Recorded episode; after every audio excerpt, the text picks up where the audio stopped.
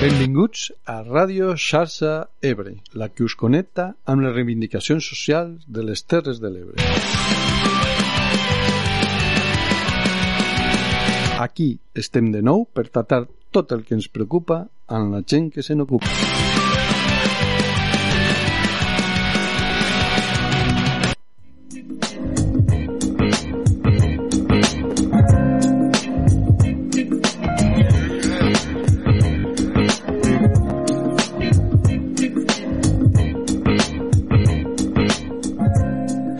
Bon dia i bona hora, bona gent.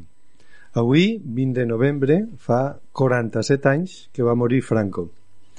Potser això no significa res personal per a la gent de menys de 60 anys, però convé tenir-ho present perquè la herència del franquisme encara és molt present. Com per exemple en els jutges que acaben de rebaixar les condenes als abusadors sexuals.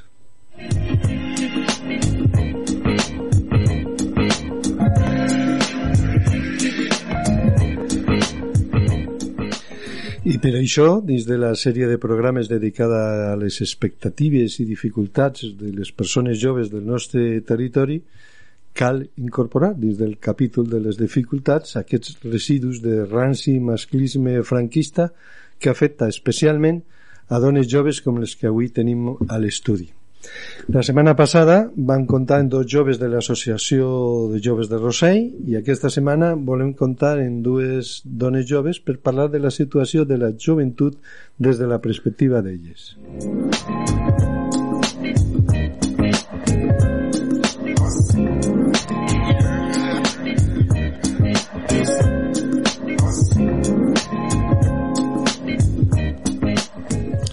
tracta d'Ariadna Chillida, actriu i creadora de teatre de 26 anys, i d'Amira Grigoriu, de 17, estudiant de segon de batxillerat i en intencions de cursar periodisme internacional i comunicació política. També tenim al nostre estudi, per a que ens ajudi al diàleg en les nostres convidades, Enrique Lange, col·laborador del programa. Bon dia a tots tres i gràcies per venir. Moltes gràcies. Gràcies. Bon dia. Bé, en primer lloc, i per a que l'audiència us conegui millor, ens agradaria que ens expliquéssiu què és el que esteu fent, quines són les expectatives que teniu, les dificultats que s'us han presentat i que penseu que s'us poden anar presentant per a complir aquestes expectatives. Ariadna? Eh, jo sóc graduada a l'Institut del Teatre de Barcelona i quan vaig haver d'acabar la carrera com que el món del teatre en si ja és molt complicat i per a una dona encara més, perquè tots els personatges majoritàriament són masculins, hi ha molt poques directores, hi han molt poques oportunitats i en especial molt poques per a dones, vaig optar per generar-me jo treball. I vaig crear una obra de teatre que es diu Ariadna i el Minotaure que explica com pateix una dona quins processos psicològics s'engeguen després d'una violació i és una obra de teatre que, està, que l'he portat aquí a Ulldecona, que la setmana que ve la porto a la Sènia i que actualment està en gira. És una obra de teatre que normalment els ajuntaments i teatres o el que sigui mos contracten només per al 25N i l'8 8M, el dia de l'erradicació de la violència de gènere o el, el dia de la dona. I també estic treballant com a professora de teatre perquè la vida d'actriu te dona... Bueno, necessites moltes feines a, a la vegada en ambients complexos a l'Hospitalet del Llobregat perquè aquí al territori no hi ha oportunitat mm, per a desenvolupar la carrera d'actriu o si la hi ha no, no, no te permeten fer un lloc mm. i això és un poquet crec molt bé. Continuarem parlant de tot això, després tirarem d'aquest fil. Amira, i tu?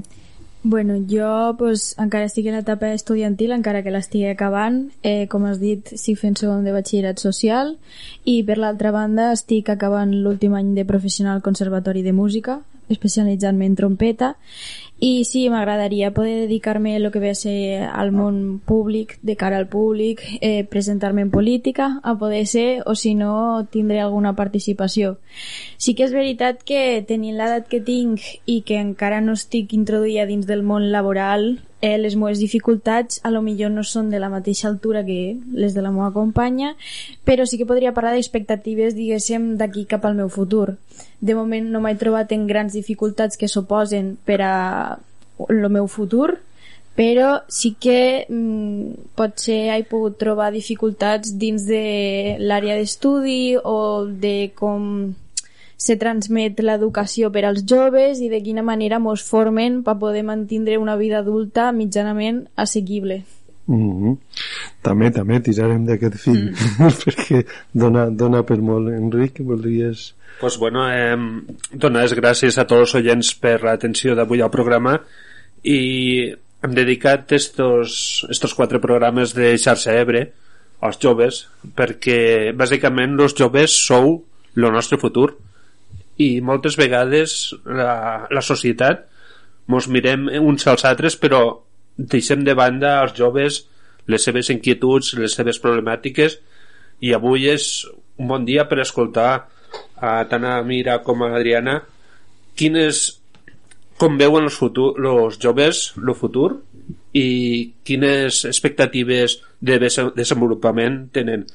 Ara comentava Ariana que es dedica al teatre i bueno, pues, eh, moltes vegades la gent mos estem acomodant i ja mos costa després de la pandèmia sortir al carrer. I bàsicament la gent el que fa és engegar la televisió, ficar-se en una plataforma i no tindre vida social. Cada vegada ne tenim menys. I suposo que en el teatre també deu costar una mica tornar a anar a l'escenari a veure obres mm -hmm. en, en viu. I bueno, pues el periodisme tres quartes del mateix. Bueno, eh, mos fiquem en grans plataformes mirem el que diuen els grans periodistes de resò i moltes vegades no fem cas als joves que volen prendre també aquesta tasca Voleu comentar sí, això? Sí, sí, sí. Eh, és veritat que arrel de la pandèmia el teatre s'ha vist molt afectat però és veritat que antes de la pandèmia el teatre ja estava afectat i això és perquè no hi ha una educació cultural ni teatral que s'ensenyi ni als instituts ni a les escoles. I és mm, complicat perquè no, no tenim aquesta educació que se fomente l'activitat d'anar en la família a veure teatre. Però és curiós que digues que per a desconnectar engeguem una plataforma com Netflix perquè no deixa de ser eh, mateix terreny. Mm, professionals que estan treballant per l'entreteniment, la cultura, per a que nosaltres poguéssim desconnectar o poguéssim reflexionar a partir d'això. I també m'agradaria comentar-te que me pregunta, mos preguntaves com veiem el futur? pues, molt negre. Molt negre. Eh, jo tinc 26 anys, porto treballant des de que vaig acabar segon de, de batxillerat, m'ho he hagut de compaginar els estudis per poder-me pagar els estudis, poder-me pagar un pis a Barcelona, perquè aquí al territori no se m'oferien les possibilitats que, que jo podia. Mm, dono moltes gràcies a mons pares per sempre poder-me recolzar i, i animar-me a seguir, però jo no veig eh, el moment en què jo me pugui mm, emancipar, poder com mons pares van fer a la meva edat, tenir un pis, tenir una independència, poder realment desconnectar d'esta d'esta xarxa, d'este suport que me donen mons pares, perquè estem en una crisi o vindrà una crisi fortíssima i, i la veritat no, no mos pinta un futur negre.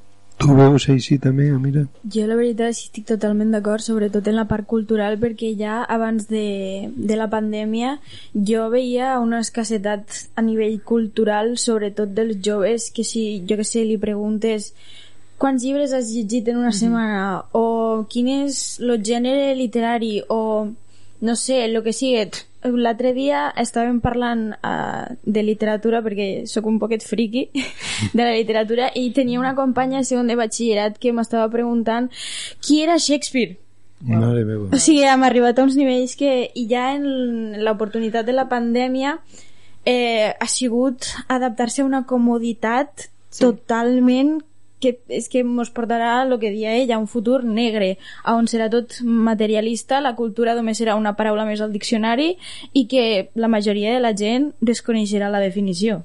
Jo, jo us diria, bueno, al millor per portar una mica la contrària, jo veig gris però bueno, gris perquè així sense color sense, sense prou vida sense prou vitalitat però bé, ara que ja coneguem una mica millor els participants del debat d'avui us deixarem uns minuts en Amaral el seu El universo sobre mi Uh -huh. i tornarem per començar la conversa amb Ariadna i Amira.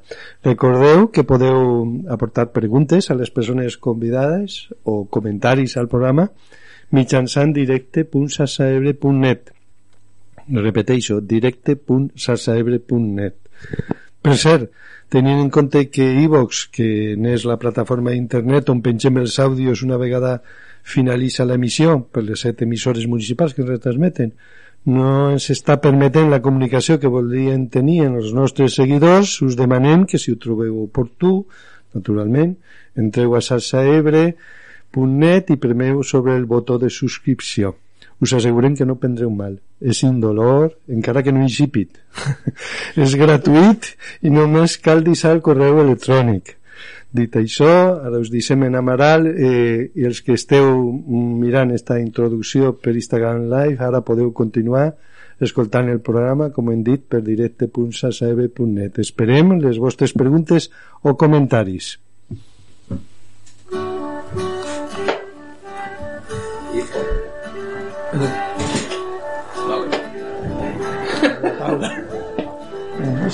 Solo queda una vela encendida en medio de la tarta y se quiere consumir.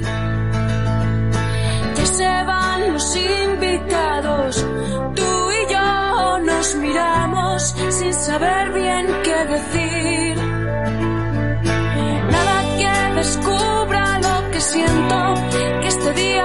Perfecto y parezco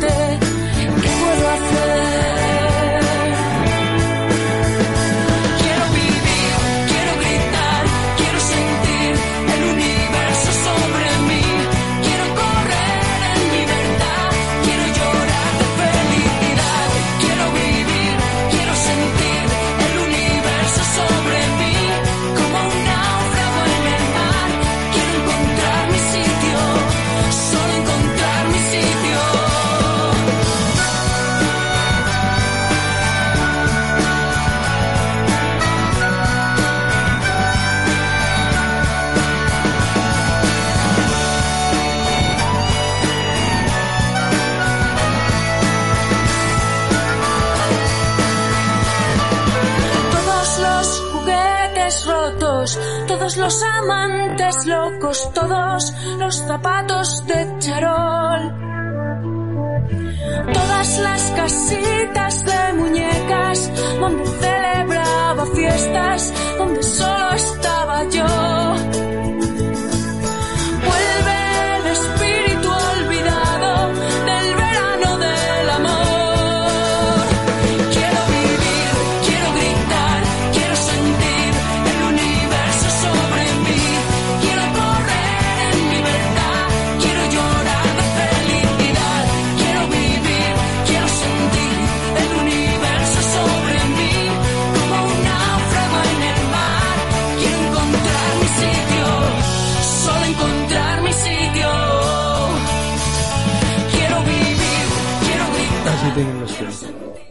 Mercè Alavall diu que això ho comento per, per engegar el, la conversa però bueno, després anirem per, per diferents derroteros. Esta dona, Marcial Avall, diu que la nostra societat no és prou permeable al talent dels joves. Segons ella, això és bàsicament per la por que tenen més gran de perdre el poder, el control sobre la societat. Si ho deixen massa en mans dels joves... Diu, de fet, que som una societat adultocèntrica. Què en penseu vosaltres? Eh, És la nostra societat prou receptiva en les aportacions dels joves en general i de les dones joves en particular? I si no ho és, com sembla que ja més o menys eh, heu insinuat en el que, en el que comentàveu abans, què creieu que es podria fer per millorar la societat en aquest aspecte? Bueno, jo crec que la societat eh, té un tap generacional enorme que se veu agreujat en, en la problemàtica de quan ens podrem jubilar. Si ja uns pares eh, no saben quan se podran jubilar, jo encara menys. I ella encara, Encara menys. I jo seré un tap generacional per a ella. I ella ho serà per als de més menuts. I eh, què podríem fer per a, per a canviar-ho? potenciar la... crec, no sé, potser és una idea una mica utòpica, però potenciar el treball conjunt entre joves i, i gent adulta o, o gent major de, de X anys.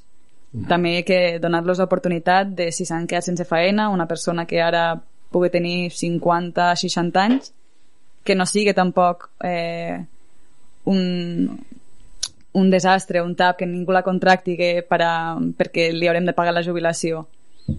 Combinar aquestes dues oportunitats, penso, no sé, no sé què podríem fer. Mm -hmm. Mira?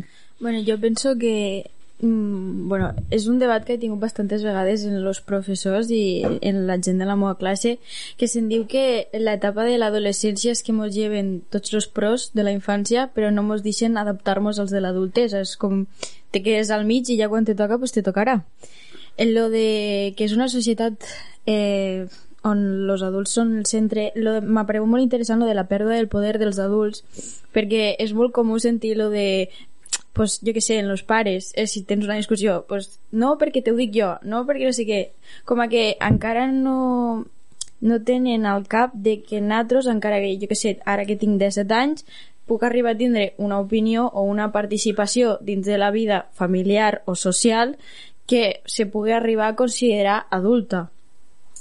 Solucions que podríem fer, eh, estic molt d'acord en la que ha presentat ella perquè és molt important sobretot en, en la joventut i en els adults poder unir-nos i, i crear un, espai on jo crec que tots podríem arribar a aconseguir un benefici, una tranquil·litat, un benestar social. Sí que és molt complicat perquè no sé, vivim en una societat que hi ha massa dificultats i com a que ningú vol arribar a dir vale, pues presento això i això i això perquè vull que hi hagi una base, que comencéssim d'algun lloc, com a que ningú vol donar el pas cap endavant. Sempre hi ha idees, sempre hi ha propostes, però no s'avança. I és això, a mi la veritat me dona un poc de ràbia. I tu que estàs fent batxillerat, què penses de, de que el, el batxillerat d'humanitats la majoria aclaparadora sigui de dones i el de ciències sigui d'homes i a la universitat a les carreres tècniques només hi ha un 25% de dones Bé, a veure, sí que és veritat que a dia d'avui s'ha avançat molt en el que ve a ser la idea de deixar entrar lo gènere femení en lo que venia a ser algo simplement etiqueta d'home. Què passa? És molt difícil llevar la mentalitat que s'ha estat cultivant tantes dècades. I inconscientment eh, nosaltres a quart d'ESO quan mos feien les propostes quin batxillerat vols fer, què t'agradaria estudiar? Sempre eh, hem anat per un camí com el que has dit tu. Més dones dins de l'àmbit social humanístic i més xics homes eh, dins de, de l'àmbit científic. Jo la veritat eh, no veig diguéssim, en el meu cas, en la meva classe, ja que estem tots junts, no veig una gran diferència. Sí que ho veig que és algo com, com una... tu quin batxillerat es- estàs fent? Lo Aline? social. lo de ciències socials sí, és com... este és el que està més equilibrat Sí, sí, sí. pues la veritat és que som molt més xiques que xics. Més per xiques. poca diferència, però n'hi són més. I a l'humanístic, per exemple, n'hi ha dos xics, no n'hi ha més. Però al científic, que són més que el social humanístic junts, eh, sí que hi ha molta més abundància de gènere masculí que femení. I, no sé, és i ja parlant dins de la carrera sí que he pogut sentir que tinc amigues que estan a la universitat o que estan fent una enginyeria i hi ha molta abundància masculina i he sentit mil vegades que se queixaven de que ai, que feien comentaris a classes de segur que ella no ho pot fer o segur, va, deixa-la que no ho entendrà no sé què, com a que li tenien llàstima o que no, no la veien capacitada d'estar al mateix nivell o inclús superar-lo no sé, és... Mhm. Enrique? Referent a la pregunta que fies dels pe del pes dels joves a la societat, jo crec que moltes vegades s'han infravalorat perquè clar, està que no tenen l'edat per poder prendre vot diguéssim que els polítics tampoc estan massa per ells és a dir, un problema que afecta els joves doncs, bueno, quan, quan maduren diguéssim que això molta gent ho diu quan maduren i ja, ja els farem cas Sí, però jo aquí podria fer un incís que hi ha molts adolescents que són molt més madurs que no Sí, sí. la gent En això, en adulta. això me referia que possiblement los joves estan molt més preparats de, de la gent que, que mos estan ara manant, ja sigui local, provincial o a nivell nacional. Bueno, hi ha un cert talent que moltes vegades no li fem cas. I, bueno, a l'altre dia mirava les dades de l'IDESCAT d'aquí de Terres de l'Ebre i, bueno, sabeu tots que tenim lo, va ser el baby boom mm. hi ha molta gent de, de la meva generació però clar, estem patint ara pues, que baixes taxes de natalitat o sigui que això vol dir Evidentment baixa la taxa de natalitat. Si antes comentava que jo no sé en quin moment podré jo per mi mateixa independitzar-me, com puc portar un, un, Clar, però una persona al món. arribarà un moment que tots tindrem ja me fico al sac perquè bueno, ja començo a tindre una edat que no paregue bueno, mos ficarem a 60, 70, 80 anys i antes clar esta, esta societat sí que tindrà que tindre uns joves perquè mos administren o per a donar els serveis o per a desenvolupar també el territori i els joves són bàsics i el que estem veient és que molta joventut com comentaves abans aquí no té les possibilitats de desenvolupament tant laboral ni social i s'estan marxant.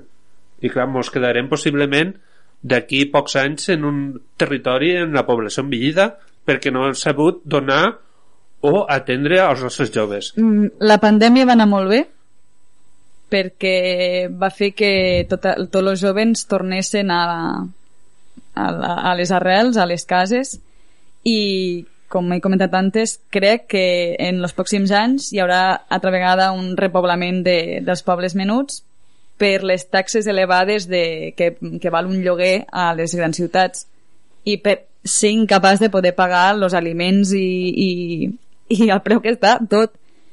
Eh, i com a dones hi ha una pressió afegida al ser dones a l'haver de, de, de tenir fills de fer una família que jo encara 26 però me començo a olorar de dir ui ui que està d'aquí dos dies mm, me començaran a dir eh, com és que no t'has casat, com és que no tens fills, com és que no sé què i, i a Mira li passarà Sí, sí, sorprenentment jo ja he rebut comentaris Veus? així de ai, t'agradaria tindre una família, tal, Sí, sí. Jo sóc, per exemple, una, bueno, tinc una perspectiva de moment individualista per mi, m'estic centrant molt en el que ve a ser el meu futur, però que o sigui, ha, jo, per exemple, tinc amics que pues, li faria il·lusió formar una família, però la pressió afegida d'una crisi econòmica o de no arribar a estar a l'altura i de patir eh, un sofriment de no poder mantenir a la criatura o ara que hi ha molta abundància de separació i de famílies disfuncionals és una temor que te dona pànic. Jo ai, moltes vegades ho he parlat i jo perquè no estic en aquesta situació perquè no és algo que de moment vull no ho tinc dins de la meva perspectiva però o el canvi climàtic també que és un que te planteges eh, per què he de portar una persona més al món si el món l'estem destruint Sí. Són tot una sèrie de...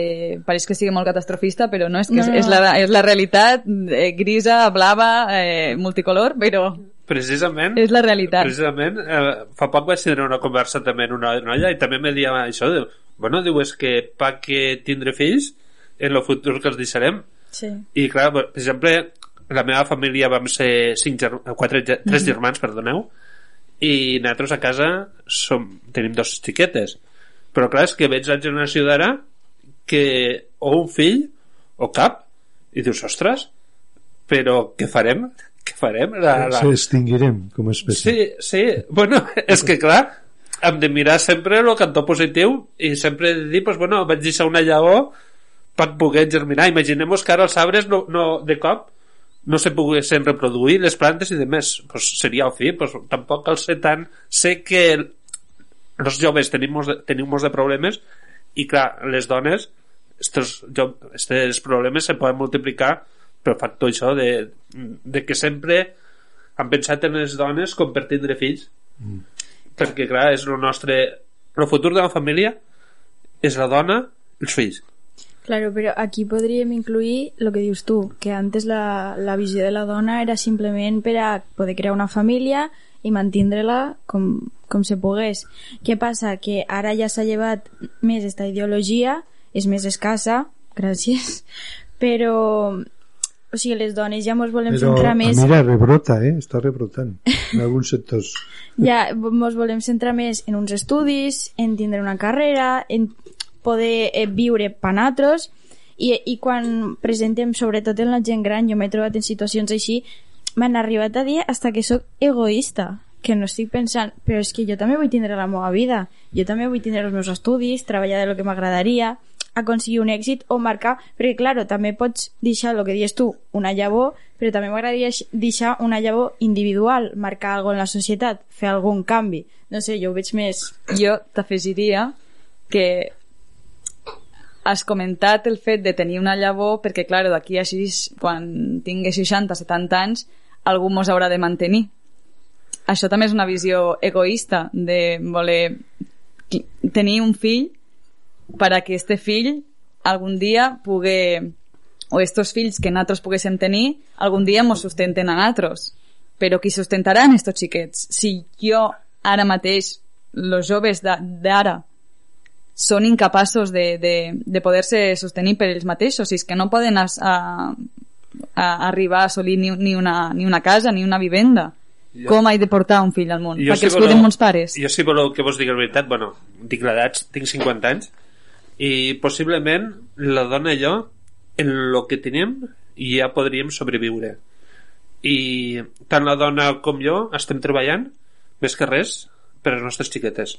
Sí, sí, sí, sí, però- O sigui, les estem formant, donant estudis, tots els estudis que puguen tindre, pel dia de demà. I el dia de demà pues, bueno, possiblement se trobaran en la situació que ara esteu vosaltres perquè és similar, però de dir, pues, bueno, nosaltres vam treballar per a que vosaltres el dia de demà poguéssiu escapar d'esta societat d'este Claro, sí, sí. model, saps? Però mons pares eh, també ho han fet en mi, tot lo que, i en mon germà, tot el que tenen és per a mon germà i per a mi i per a la nostra educació.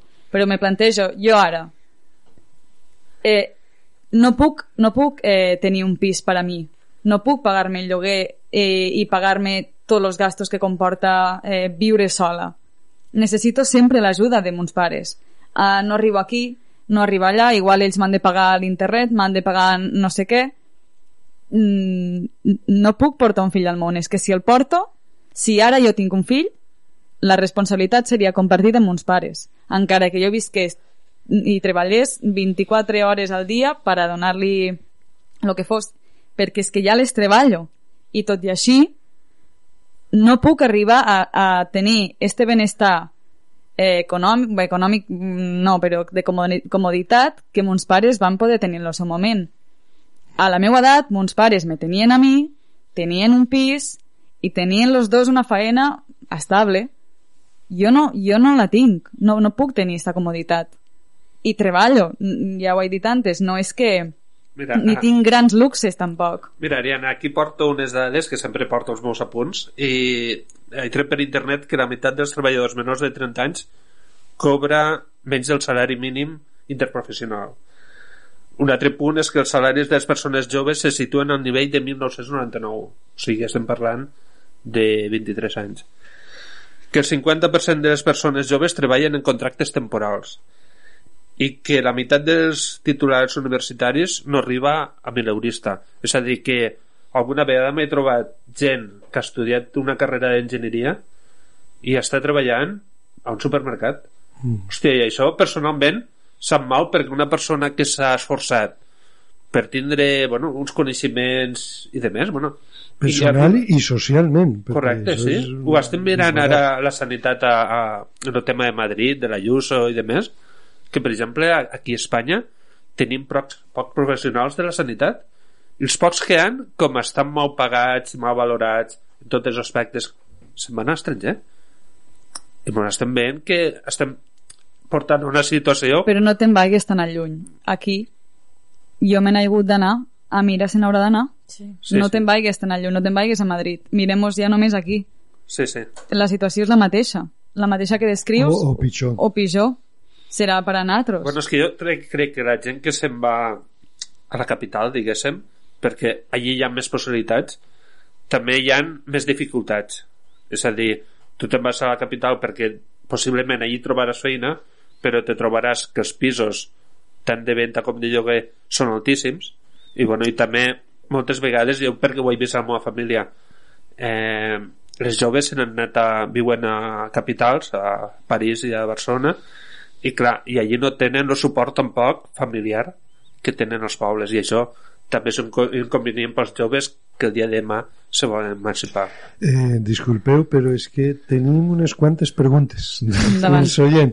Anem a escoltar la falca perquè estem a la mig del programa i us passo les preguntes per anar-les contestant.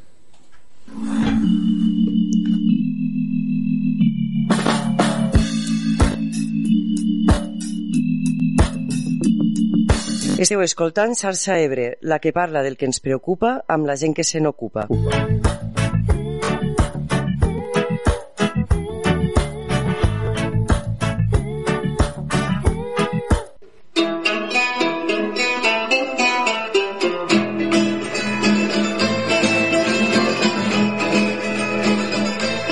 primera pregunta que tenim aquí dels nostres oients eh, té relació amb una cosa que estaves comentant tu, Ariadna, així que te la passo. Vale. Diu, trobeu que és possible per a un jove trobar una feina o crear una petita empresa que pugui subsistir i li permeti viure a la zona? Quines perspectives veieu? Veieu? A aquí, a la zona? Sí, a les Terres de l'Ebre. Tu, per exemple, en el tema del teatre, no sé com t'ho has organitzat. Has muntat un, algun tipus d'empresa? Com ho fas, lo de la... Ah, lo de l'obra que estic fent. L'obra que estàs fent, eh, sí. L'obra que estic fent vaig haver-la d'arrencar des de zero jo, la dramatúrgia, crear l'equip i mm, perquè la vaig poder fer vaig poder aconseguir que una productora s'interessés, és una productora menudeta i me pot portar tot el tema de, de la comptabilitat. Però... És una productora que està radicada on? A Barcelona? A Barcelona, uh -huh. a Barcelona ningú d'aquí s'ha interessat mm. per a portar-me aquí l'obra ni ningú d'aquí m'ha ofert faena muntar una escola de teatre, per exemple, ningú d'aquí s'ha... Ni jo... Algunes vegades ho he proposat fer aquí, que és complicat, ningú s'apuntarà. És com el que comentàvem en, en Amir algunes vegades, havíem dit que per què la gent jove no s'interessa per, per certs temes o perquè no s'implica no només la gent jove, que sempre a vegades ens cau una responsabilitat que és compartida. Mm, la gent gran, los, los adults, la gent més gran, també li costa tenir un, un esperit de participació aquí al poble.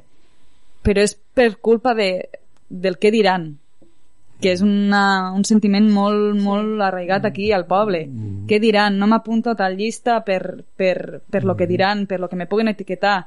No vaig a tal puesto perquè els meus amics no van i encara que a mi m'interessa perquè, claro, que diran. Mm. Si vaig en un cert sector de gent, seré sempre aquella persona. Sí, sí, te col·loquen una camisa i ja és molt difícil canviar-la. I si tens l'oportunitat de poder engegar algun projecte aquí perquè tens el suport econòmic o el suport de la gent mm, podries, però, però és una aposta, és una aposta Difícil. Jo no conec a ningú del meu entorn, per exemple, que, que ho hagi fet. Ara una pregunta per a tu, Amira. Diu, pot ser que com molts joves no tenen dret a vot, tu per exemple hasta que arribis als 18, no? Sí, I, eh, els polítics els tinguin oblidats per això? Totalment. Crec que és algo que hem comentat abans i és eh, fins al punt que no pugues contribuir en el meu interès, no existixes. Lo qual ho veig una tonteria perquè si nosaltres rebem eh, ajuda o un suport de la seva part, si milloren la nostra formació o si mos deixen eh, fer propostes dins de l'educació, algo que mos interessa i que mos ajude a formar d'una manera eh, més correcta o que veiem més bona per a nosaltres, potser sí que tindríem en compte després a l'hora de tindre ja la influència de poder, de poder votar i influir en políticament, ja sigui a nivell municipal o a nivell més gran, jo crec que seria una bona estratègia. Uh, al fi i al cap, és que nosaltres serem el que hem dit abans, som nosaltres el futur, a partir de nosaltres és que després vos haureu d'interessar per aconseguir els nostres vots. Si ja des d'un principi mos teniu oblidats, clarament no los tindrem en compte per dir, vale, pues votaré en ell perquè s'ha fixat en algo que mos interessa. Perquè és molt fàcil, o sigui, nosaltres moltes vegades el que ve a ser a la ESO a nosaltres ens van proposar eh, l'hora de tutoria tan famosa tutoria, de parlar de conflictes de fer propostes però és que això inclús ho podríem eh, adaptar a nivell de institucional diguéssim que ara els profes són els polítics i nosaltres eh, els alumnes són els que encara no podem votar dins de la ESO se mos, di, se mos diuen les mateixes tonteries de sempre mos hem de comportar bé entre nosaltres, hem de tindre respecte als professors, eh, hem de fer cas al director, tal, no sé què. A l'hora de que nosaltres tenim un conflicte eh, en una classe, en un temari, en un profe... no se mos té en compte per res. Quan entrem a batxillerat, se mos comença a tindre que si una opinió, però no fan res al respecte. El mateix ho aplico als polítics fins que, mira, i a mi perquè ja ja m'ha arribat no sé si dir-ho formulari, no sé si dir-ho carta però ma mare ja lo de pa que l'any que ve estigui a dret a vot la pressió que se me va posar només d'escoltar-ho eh, és, és algo que m'agradaria afegir perquè jo crec que per no fer-nos cas, els joves estem tenint molt poca formació per poder influir políticament o sigui, no estem del tot informats correctament per poder fer una elecció idònia o que estigui d'acord en els nostres principis sense que després ens sorprenguéssim de dir en sèrio jo he votat això? No sé. Bueno, ara n'hi ha una altra està bé que hi ha unes quantes esta la poso sobre la taula i contesteu la que vulgueu o, o entre tots diu que si que si els adults s'enganyen als joves que si els demanen que s'integren i després el que es troben és una autèntica selva. No, jo crec que té a veure en el que antes havia dit Amira, que no se fa no se fa cas als joves hasta que a un cert punt eh, los deixen ara, ara sí, ara te toca ser adult que això arriba quan tu acabes tot tipus de formació com que vas seguint el que t'han tocat i t'han marcat per, per educació, pues, he de fer l'escola, he de fer l'ESO, he de fer un batxillerat, que és una opció, com pot ser que no siga una opció, i sempre se mos ha marcat que, que ha de Sí. ser. Jo, jo vaig fer batxillerat, o formació professional exacte, o... després eh, vaig fer una carrera a l'Institut del Teatre i una vegada vaig acabar no hi ha cap tipus de, de, de, de pas, no hi ha cap tipus d'acompanyament, de cop te trobes la vida adulta Mm. i és una gestió molt forta. De dir, ara sí, ara ja, ara sí, ara, ara, ara va, quan, quan ja m'he de fer adulta ja no tinc cap esta és una fòbia que dins dels joves és molt abundant. O sigui, nosaltres que, per exemple, a mi no me queda res per complir els 18. I és, és brutal la fòbia que tinc de dir... És que ja, de dir, hauré de pagar factures, hauré de buscar un treball, m'hauré de, de mantenir per mi tot sola, no sé què, no sé quant. És algo... S'arriba a fer una muntanya que diu, és que se me caurà damunt i jo no sabia què fer. És curiós perquè, per exemple, jo me'n recordo mon fill quan va complir els 18 estava feliç perquè ell deia ah, de Witt, ja sóc una persona incapacitat de decidir per mi mateix i no sé què, estava feliç. I per lo que ens estàs dient com que tu més ben bé veus núvols. Tam Bueno, també és una mica mm, per situacions familiars, eh, de dir. Mm, Quan de cop te, te pertoca la responsabilitat de ara, ara de veritat eh, he d'ajudar, ara de veritat m'he d'ocupar de mi mateixa, ja no hi ha cap tipus d'ajuda, s'ha acabat eh, ser un infant, un adolescent, no tinc la protecció, pot ser que sigui els 18, pot ser que hi hagi gent que ho hagi de, de passar molt antes, pot ser que gent encara ara pugui viure de la protecció de, de, dels pares, hi ha gent que viu tota la vida d'esta protecció, és depèn, és depèn. La maduresa arriba per Claro, cops. es, te posa una, a una edat eh, fixa i resulta que pot Sí. ser molt variable segons Sí, les sí. circumstàncies de les persones. No? Bueno, hi ha una més, de moment. Diu que potser és un problema d'expectatives, que potser ens exigim massa i demanem massa als joves. Noteu aquesta exigència, potser tingui relació amb el que tu estaves dient, no? De la exigència mm. d'arribar... Sí. Jo, per exemple, de lo, en relació a lo que parlaves tu, de estar ja en, arribes a una edat i has d'agafar la situació de que tu ja depens de tu mateixa. Jo, des de menuda, ja, pues, a l'haver de, de vindre aquí, un país nou, sí que eh, jo i ma mare, per exemple, ma mare està tot el dia treballant, diguéssim que jo ja m'ocupo més de la casa i que m'he de fer el sopar, el dinar, no sé què, no me veig molt assustada en, diguéssim, en aquest aspecte. A mi el que més me preocupa, i parlant ja en relació de, los, de les expectatives, és el que se'n diu de, dels joves som el futur. Vale. Tenir en compte que els joves, sobretot en aquesta societat que a dia d'avui hi ha moltíssima diversificació, sigui del tema social que sigui, ens trobem en que hi ha massa oportunitats i pocs recursos per a que nosaltres les poguéssim aprofitar. Eh, sempre se mos ha dit eh, pots estudiar això, pots estudiar l'altre, te pots dedicar a això, tindràs este salari, llavors no te tindràs que preocupar per mantindre una vida dificultosa, però és que no és tan fàcil perquè jo, per exemple, durant l'etapa de l'escola i l'ESO he tingut eh, el suport de ma mare dins de... Ai, ajuda'm a entendre'm això i tal. En el batxillerat ja és com a... Estàs més a nivell individual i en la universitat ja suposo que més de lo mateix. Què passa? Sí que se mos exigeix bastant als joves perquè volen que estiguéssim a una altura de la qual no mos han preparat i segueixen sense preparar-nos, que és el que he dit abans. Eh, dins de l'àmbit laboral, jo fins l'any passat no sabia el que era un contracte ni com fer-lo. Una nòmina totalment inexistent, com se fa. Hi havia gent que havia dit aquesta paraula quatre vegades en la seva vida, o perquè l'havia escoltat per allí.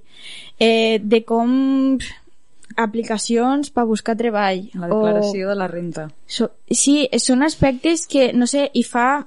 Avui, aquest any, eh, mos van dir fa dos dies el nostre tutor de, eh, vindrà a l'Ajuntament a donar-vos una, una xarra sobre com fer contractes o com vos podeu... Però és que estem a segon de batxillerat. O sigui, a, a, si, els últims segons de la nostra recta mos heu de vindre a, a formar-nos d'això i antes això no estava. No, o sigui, no ha sigut ara formació. perquè nosaltres no hem parat de queixar-nos, perquè nosaltres portem, crec que des de, des de tercer de l'ESO, que nosaltres volíem, vale, però és que volem aprendre això, volem aprendre l'altre, i sobretot ara, en el canvi de la llei de l'educació, que s'han canviat les optatives, s'han- o sigui, és com una tapadera de que hi ha molta més inclusió per a que se ens facilite la vida adulta i és que en realitat no té res a veure. És una pantalla, Enrique? Bueno, és que els temps estan canviant, però considerablement. Jo, bueno, cada un viu la vida a la seva manera i de la manera que se li imposa o, o li arriba, però jo quan tenia la vostra edat era un jove superfeliç, un jove que no tenia cap mal de cap i què passa que al cap dels anys O ja no te'n recordes? no, no, no, te ho dic en sèrio, Sí, eh? sí, te ho sí. dic en sèrio. Jo era un jove que era molt optimista. Eh, sempre estava content, alegre, i què passa? Que a medida que, com vosaltres parleu, entres en, lo, en la societat, en el món laboral, en l'econòmic, bueno, te n'adones que el món és molt complicat. Jo, jo veia tot molt fàcil i ostres, doncs jo, per exemple, imagineu-vos que vaig tindre que començar a estudiar pel meu compte perquè ara, doncs, bueno, sóc un autònom i porto la meva empresa he de fer pressupostos, contractes de mes i a més treballo i arribes a casa super, super cansat però també me dona una oportunitat d'un temps lliure. El que faig és, com saben els meus companys lluitar per un món més més pacífic so, solidari, sostenible. Però què passa? Que els que estem lluitant els que de joves eren feliços amb lluitat i no ho han pogut aconseguir. I això també t'afona moralment de dir, ostres, jo tenia unes expectatives i me pensava que el món lo podrien canviar i no ho han pogut aconseguir Vicent, no, no, no s'ha canviat el món. Mm. però és que també veig que quan parles amb els joves de la manera que està enfocat tots ells encara ho tindran molt més difícil que nosaltres per a canviar-ho. És com estem vivint en un bucle que constantment hi han dificultats però aquestes dificultats cada vegada són més complicades. O sigui eh, en tots els sectors eh, bueno, socialment ja sabem el que hi ha econòmicament ho hem dit però és que per exemple també les dones per tindre fills les, la meva mare per exemple pues, va poder tirar la família endavant i pues, no tenia ni la meitat dels problemes que teniu vosaltres ella ne tenia d'una altra manera uh -huh. però clar, és que estem anant cap a un món que no és sostenible no es Totalment. pot aguantar i els joves sou els que ja teniu que començar d'alguna manera a intentar-ho canviar perquè si no, és que vos ho he dit abans no me'n sortirem, és una jo, societat que tenim els dies comptat. Jo anava això perquè eh, tu per exemple Anira dies al principi, bueno, jo ara estic centrada en, diguem-me, en la meva qüestió individual, no?, de resoldre. Sí. És, és natural per la pressió que n'hi ha i la, la que explicava Ariadna, la, la incertesa en general de, de la vida laboral i tot això, això és un, està com preocupat per trobar el seu camí. Però per altra banda, ho parlàvem en els joves de la setmana anterior, que són joves associats i que bueno, fan a Rosell fan moltes coses més tipus festa, tipus cultural que altres coses de tipus més social però mm, trobo a faltar que, que penseu una mica més col·lectivament que busqueu una manera de, perquè si no, com estava dient Enric, si no s'aconseguiran canviar les coses. És a dir, en, entenc que la pressió per a que cada un trobi el seu camí és molt forta, donada les dificultats, però tal vegada és necessària també la consciència de que si no feu pinya en altres serà més difícil canviar les coses. Cada un se trobarà més aïllat per a solucionar tots aquests problemes que esteu esmentant. Claro, però això o sigui, és molt complicat perquè eh, la societat d'avui també és molt egoista i molt individualista. Jo, per exemple, m'he educat eh, en una família on m'han donat una bona educació, tinc un, uns bons valors. Al vindre aquí a Espanya, no digue, o sigui, va ser un xoc. A quina edat vas venir? No, en, vaig vindre en quasi dos anyets. Però, mm. claro, a l'haver de contrastar els valors que m'han donat a mi a casa en los que me vaig trobar no donant per exemple, aquí de dir no, és que aquí tot és dolent, no, és la meva situació. Què passa? Jo, eh, a part de, de que vaig viure situacions de racisme o de d'aïllament social, eh, jo diria que per a poder fer el que dius tu de, de fer pinya, mm. hem d'adquirir certs objectius socials que estan un poc en decadència. Sobretot de a dia d'avui hi ha molta diferència eh, d'ètnica, religiosa, eh, de, racial o inclús sexual i és perquè hi ha una manca d'educació positiva sobretot venint de, cas, de, ja de, de la pròpia família. Ens provoquen a, a fer diferències entre nosaltres i és d'allí que se desencadena l'individualisme i se deixa de costat la possibilitat de dir vaig ajuntar-me en els altres per poder crear la millora de la societat. Divide i venceràs. Sí, jo crec que eh, primer hauríem d'agafar-ho de, de, des de l'arrel, de que hi hagi una educació on tots són el mateix, de fomentar la no diferenciació. jo en el meu cas, per exemple, eh, hi ha hagut de patir molt, molts casos de diferenciació en els quals pues, bueno, han arribat a un desencadenament prejudicial per, mi i és per això que se desencadena una, una mentalitat de vale, és que ells no m'accepten jo perquè hauria de voler participar en ells i no sóc només jo, o sigui, ja sigui aquí, sigui la capital, sigui un altre país mos fomenten a provocar això, perquè és això el que volen, sobretot des dels polítics, dins de l'educació i tot. Per què s'ha canviat la llei? Per què se vol fer com la tapadera esta de que no, és que volem més inclusivitat, però te rebaixem d'aquí. Mm. Perquè mos volen manipular. I fer-ho creant-nos individualistes és molt més fàcil. Uh -huh. Ariadna? Eh, sí, que los, afegint el que ella diu, som un reflexe de, de la societat. Mm, Mos hem emmirallat, l'ésser humà s'emmiralla i, i copia les conductes de, dels altres humans i som un reflexe de, del que vau ser vatros. Afegiria també que me deies que vatros sou joves frustrats perquè no ho heu pogut canviar. Altra vegada, la responsabilitat recau sobre nostra de mm, hem de canviar la societat. Mm, crec que els joves sí que estem eh, actius, sí que tenim un pensament crític, sí que tenim la voluntat de canvi, sí que hi ha molts moviments que s'estan engegant, però torno aquí al poble, lamentablement, jo també vaig vindre de, de fora, no, no vaig patir el racisme, vaig patir un altre tipus de de desigualtat, de vinc de la capital, tenia un accent en concret, vaig vindre aquí, sempre se m'ha jutjat per aquest accent, per no acabar de tindre l'accent d'aquí de, del poble, tot i que me vaig integrar i el teatre i la passió d'Ulldecona, el centre cultural, va ser el meu refugi i el meu motor per a poder-me adaptar, adaptar aquí al poble. Però és un poble que està mimetitzat en la vall. És molt hermètic tu, si vens de fora, notaràs este rebuig d'entrada. Després passaran unes setmanes i el poble t'acollirà. Però d'entrada, un foraster sempre serà un foraster. I no entenc ben bé per què aquí al poble costa crear mm, col·lectius. Nosaltres vam intentar engegar el col·lectiu feminista de, de les cinc bruixes. Eh, no se va tirar endavant perquè hi ha una falta de participació. Però la voluntat hi és, i és un grup que, que la voluntat hi és, però no, no, no, no fluctua perquè no, no hi ha aquest sentiment de participació. Pel que diran, per ai, me consideraran feminista, ai... Mm. Hi ha massa, massa jutjament. Sí.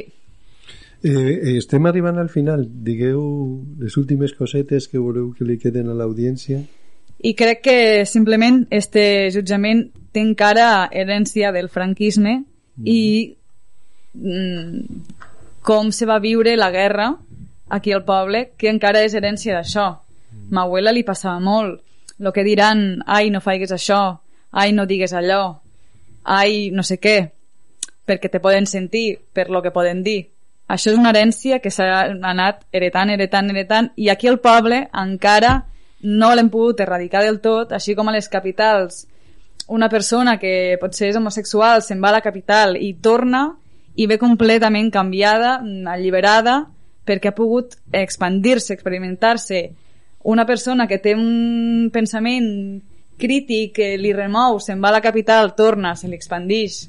Però aquí sempre tapem i sempre hem d'estar que el poble té moltes coses bones i me l'estimo molt, no vol dir que no però seguim tenint esta cosa que es posa de, del què diran, què pensaran, que no mos deixa evolucionar. Tu com ho veus, Amira? Jo diria així com a, de forma molt generalitzada i com a conclusió que tant de part dels adults com de part nostra eh, fomenta la, la responsabilitat compartida que tenim les dues mm. generacions i entendre que sí, els temps canvien, la nostra societat d'avui en dia eh, ha permès molta diversificació i que s'ha d'acceptar. S'ha d'entendre, s'ha de parlar i s'ha d'acceptar entre tots. I pues, això, utilitzar sobretot l'educació perquè jo crec que hi ha eh, molta manca d'educació sobretot a nivell cultural s'està deixant molt de costat i que vivim sobretot a cadenes a base de material, de, te de tecnologia, vale, sí, avancem molt i tot el que tu vulguis, però Nos falta certs- la part social. Sí, hi ha certs aspectes que si arriben a un moment que ja no existeixen, sí que ja, jo és que no veig la societat negra, la veig ja en negatiu, en, en, en lo, lo pitjor que se pugui veure. Sí, que s'ha avançat molt científica i tècnicament, però poc a nivell social, o per almenys no tant com per a poder assumir aquestes conquestes tecnològiques de manera que afavoreixen la societat en conjunt. Claro. Això, això ens falta. Per lo que deia Samira, volia comentar, que ja ho hem dit en algun programa, una frase de Mujica, l'expresident d'Uruguai, que deia que la civilització és la solidaritat intergeneracional. pues bueno, siguem civilitzats d'una vegada, que ja, ja, ja ens pertoca. Hem arribat al final. Ara, mm, abans de fer el comiat com cal i dir-vos com seran els propers programes, us deixem uns minutets en Mala Rodríguez i el seu Qui manda?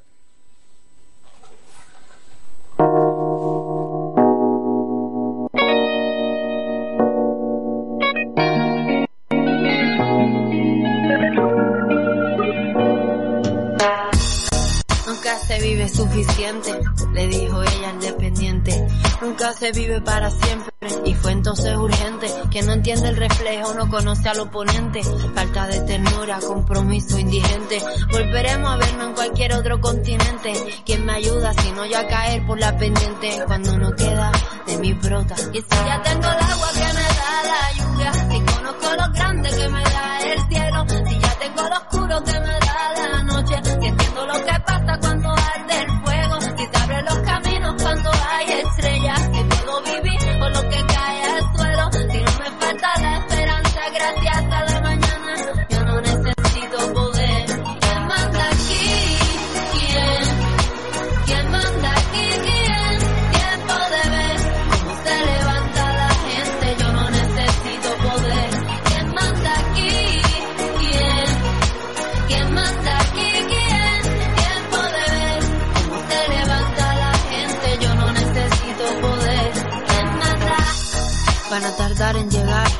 importa esperar.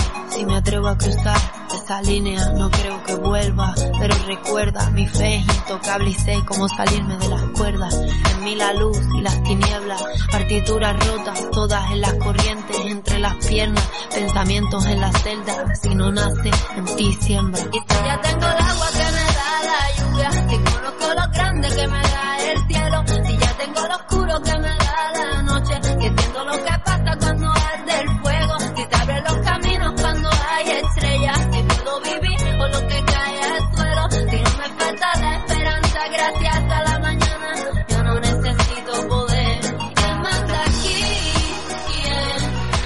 Bé, hem arribat al final d'aquest debat 44. bueno, eh, nosaltres hem fet una distinció entre el que eren debat i converses, que jo crec que ja l'anem a suprimir, perquè debats eren quan venien gent, diguem-ne, d'associacions diferents, converses quan entrevistàvem a gent que venien juntes. Per exemple, una conversa mm, va ser la que vam tenir la setmana passada perquè els dos nois venien de la mateixa associació de joves de Rossell o quan vam fer el programa de despsiquiatralitzar la salut mental que va vindre la cap de servei de psiquiatria de la zona i la treballadora social però que treballa al mateix centre no?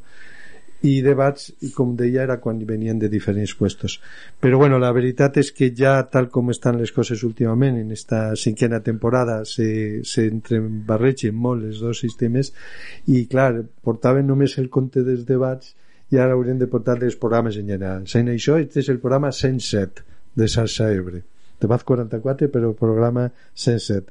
Per la nostra part, volem agrair a Ariadna Chillida i a, a Mira A vosaltres. Grigoriu Gràcies a vosaltres. i als que heu participat pel xat de directe.sasaebre.net de la part de l'equip eh, avui de Sasaebre, en Enrique Lange com a comentarista el nostre tècnic Juan Carlos Fibla i jo mateix Vicent Pruñosa tots els diumenges a les 12 recordeu teniu Sasaebre i el proper eh, tindrem a dues noies encara més joves de 16 anys a veure què, què ens expliquen en la línia de lo que ja hem estat parlant avui Recordeu que tenim un telèfon en el que podeu deixar comentaris de text o de veu, fins i tot eh, si feu preguntes per a les convidades o comentaris a el que ens han dit avui, ho podem treure per antena en el proper programa.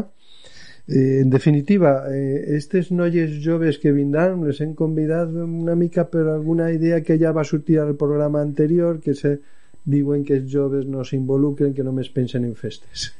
Això van dir. Anem a veure. Sí, ja avui hem vist que no és així. No, no, no Ja hem, tret, no hem tret el tema festa en cap no moment, ni una ni l'altra. No ha sortit. Bueno, pues eh, eh, tenim un telèfon, com us deia, on podeu deixar notes d'àudio, és el 621 30 34 13. Ho repeteixo, 621 30 34 13. Animeu-vos perquè ahir, si utilitzeu el WhatsApp o el Telegram, podeu deixar una nota d'àudio i la podem treure o podeu, si us sembla millor, deixar un text per a fer una pregunta o un comentari. Vinga, fins la propera. Salut!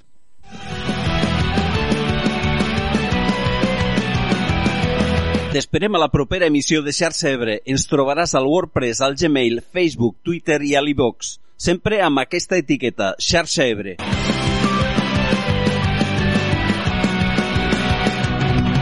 No oblides subscriure't, sabràs les dates i els convidats dels propers programes. Fins aviat, seguim fent xarxa.